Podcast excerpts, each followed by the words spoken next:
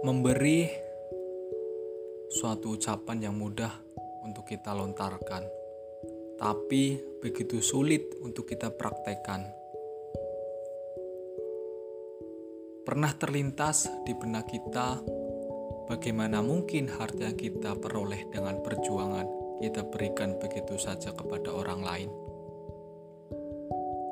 Tapi ya itulah sifat dasar manusia yang ingin selalu memiliki memiliki dengan sebanyak-banyaknya tanpa mau memberikan kepada orang lain apa yang kita miliki.